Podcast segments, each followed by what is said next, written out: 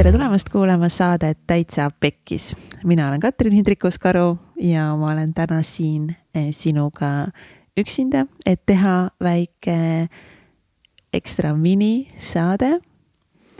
sest eh, mõni aeg tagasi palus Kristi Jõeorg mul kirjutada nende julgus.ee blogisse siis eh, üks artikkel suhete teemal ja ma arvan, et see sai täitsa tore artikkel, kus ma enda, enda mõtteid siis suhete teemal jagasin. ja siis ma mõtlesingi, et miks mitte salvestada see ka eh, podcast'ina, et seda oleks mõnus, eh, mõnus kuulata. ja see on nüüd teine katse, kui ma seda sisse loen nii et ja see on natuke veider, sest see on veider, aga igatahes ma loodan, et, et see on arusaadav ja kui ei ole, siis mine julgus.ee ja loe seda artiklit sealt. artikli pealkiri on siis kõik suhted saavad alguse sinust endast. ja täna, kui ma seda kirjutan, kirjutan täna, kui ma seda loen, on neljas mai ja homme on minu eh, sünnipäev, nii et eh, palju õnne mulle sünnipäevaks, vot sünnipäeva puhul loengi endale selle eh,, endale. sünnipäeva puhul loen selle artikli sisse. kõik suhted saavad alguse sinust endast. oma kolmekümne kahe eluaasta jooksul on mul olnud päris mitmeid suhteid, romantilisi siis. sõprussuhteid ka muidugi, aga täna keskendume romantilistele suhetele. enamus nendest on olnud pikaajalised suhted ja igas suhtes olen ma tundnud, et jah nüüd see ongi see õige. abiellume, saame lapsed ja elame õnnelikult elu lõpuni.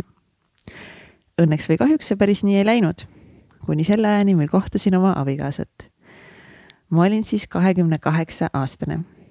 tänaseks olen ma õnnelikult abielus, lapsi küll veel ei ole, aga täna ei sea ma ka enam ootusi, mis peaksid mind kindlasti, mis peaksid mingiks kindlaks ajaks täidetud saama kõik juhtub õigel ajal ja täpselt nii, nagu peab. ma olen õppinud elu usaldama. kui täiesti aus olla, siis ma alles õpin päriselt elu usaldama, aga ma olen selles osas paremas kohas kui kunagi varem. oleme abikaasaga kokku leppinud, et kui peaksime ühel päeval lahku minema, siis see on ka okei okay.. ainult aeg näitab, kas oleme selle maise elu lõpuni koos või tulime üksteise ellu midagi muud õpetama ja meie ühine teekond lõpeb varem me lihtsalt naudime elu koos, õpime, areneme ja oleme mõnusas kulgemises. veel mõned aastad tagasi arvasin, et ma ei saa õnnelik olla üksi. et mul peab alati olema keegi kõrval, kelle justkui kohustus on mind õnnelikuks teha. keegi, kes tuleb, päästab mu ära ja lahendab kõik minu probleemid. ma elasin kujutelmas, et keegi teine peab mind õnnelikuks tegema sellepärast tõmbasin ma ligi üpriski katkiseid inimesi, kes muidugi peegeldasid mulle mind ennast.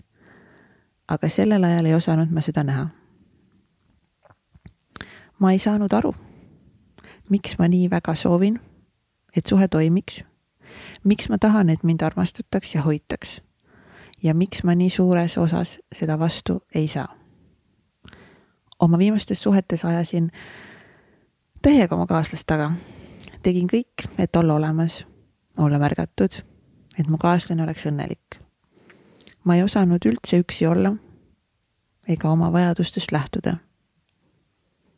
see aga, mida sa taga ajad, jookseb sinu eest ära. tol hetkel muidugi ma seda niimoodi näha ei osanud. kui me midagi oma elus väga tahame, ei tohiks me seda meeleheitlikult taga ajada, vaid alistuda ja teada, et kõik mis on sulle loodud, tuleb niikuinii. esmalt on aga vaja tegeleda iseendaga, saada iseenda parimaks sõbraks, armastada iseennast. sest kui sa oled ise õnnelik, rahul ja enesekindel, siis tõmbad ka sedasama endale ligi. iseendaga parimaks sõbraks saamine on aga pikk teekond.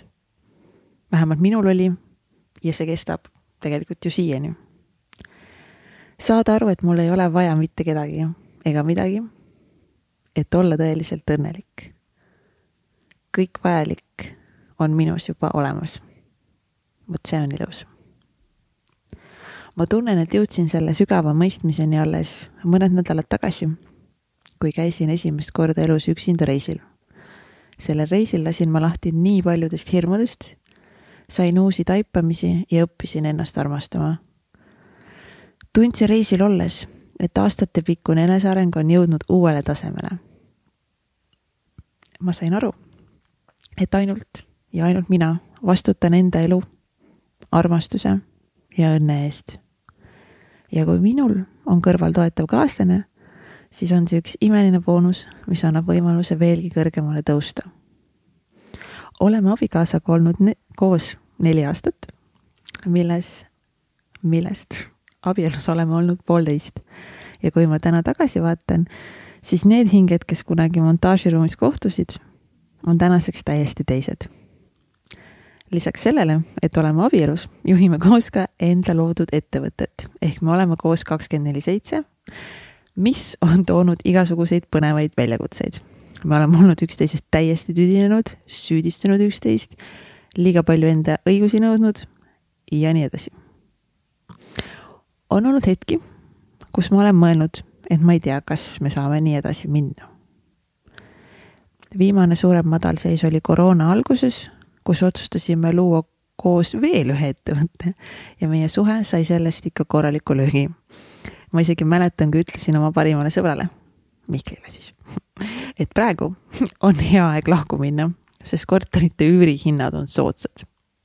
praegu tuleb sellele tagasi mõeldes mõnus naeratus näole tänaseks aga oleme jõudnud kohta, kus teame, et selleks, et olla suhtes õnnelik, peab kõigepealt hoidma enda tassi täis. sest nii kui üks osapool on näiteks stressis, kurb või vihane, kandub see tihtipeale edasi ka kaaslasele ja igasugused tülid on väga lihtsad kerkima.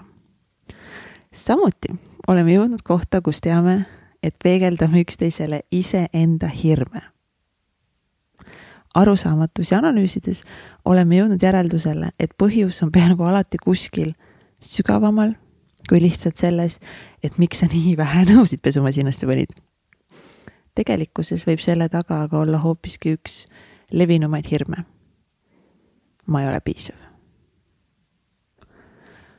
kui õppida hinnanguid mitte andma ja armastama iseennast tõeliselt, on võimalik luua suhe, mis tõstab kõrgustesse ja kestab igavesti. tingimusteta armastus on kõige ilusam ja puhtam asi maailmas, mille poole me kõik püüelda võiks.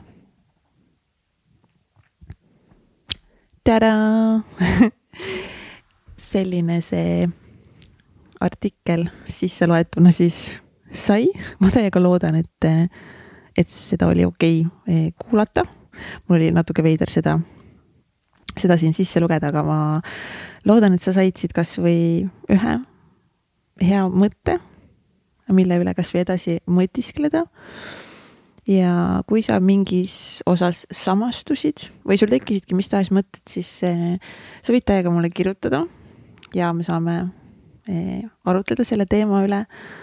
ja ma olen ka väga tänulik, kui sa eh, jagad seda saadet näiteks oma Instagramis või Facebookis. ja aitäh et sa, et sa kuulasid selle lõpuni ja, ja tea, et kui sa täna oled näiteks suhtes, mis, mis sind ei toida ja sa tunned, et sa ei ole üksinda iseendaga õnnelik, siis tea, et, et see on okei okay ja et see ei pea nii jääma ja tea, et iga hetk on eh, uus hetk ja sa saad võtta uue otsuse eh, vastu, armastada ennast rohkem või siis alustada iseenda armastamisega ja tea, et sa oled juba piisav.